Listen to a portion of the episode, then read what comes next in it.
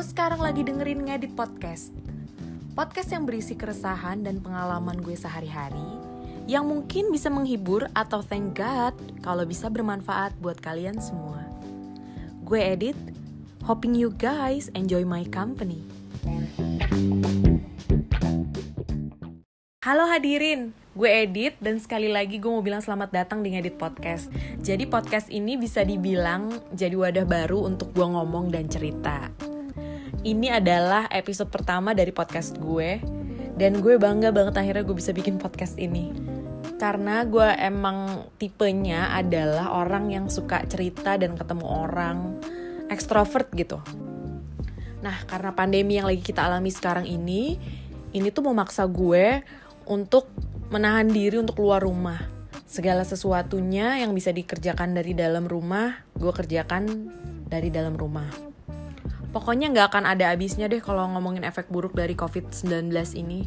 Tapi karena vaksin udah mulai disebarin, gue ngerasa jadi udah mulai ada titik terang kayak secercah harapan gitu untuk masalah pandemi ini. Ngomongin titik terang, ya bener-bener kemarin itu adalah titik yang lumayan terang deh dalam hidup gue selama pandemi ini di mana gue banyak banget ngurung diri di rumah akhirnya untuk pertama kalinya dari sekian lama gue libur nonton di bioskop gue nonton di bioskop lagi guys. Ya gitu, abisnya kangen banget kan? Kangen banget gue sama sofa bioskop Sama suasananya, layar gedenya, jajanannya juga. Dan kemarin film yang gue tonton adalah Raya and the Last Dragon. Kayak yang kalian tahu itu adalah filmnya Disney Ya walaupun menurut gue sosok lah filmnya dibandingin film Disney yang lain Tapi not too shabby untuk ngobatin kekangenan nonton. Eh tapi gue suka banget latar tempat di filmnya itu kayak di pedesaan di Indonesia gitu. Tapi itu kayaknya di Thailand deh. Gaya-gaya bajunya juga kayaknya dari Thailand gitu sih.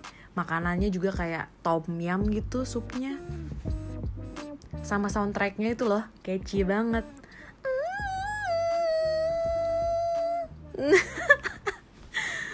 Hah, Pokoknya buat kalian yang udah kangen nonton juga ke bioskop, pokoknya nonton deh.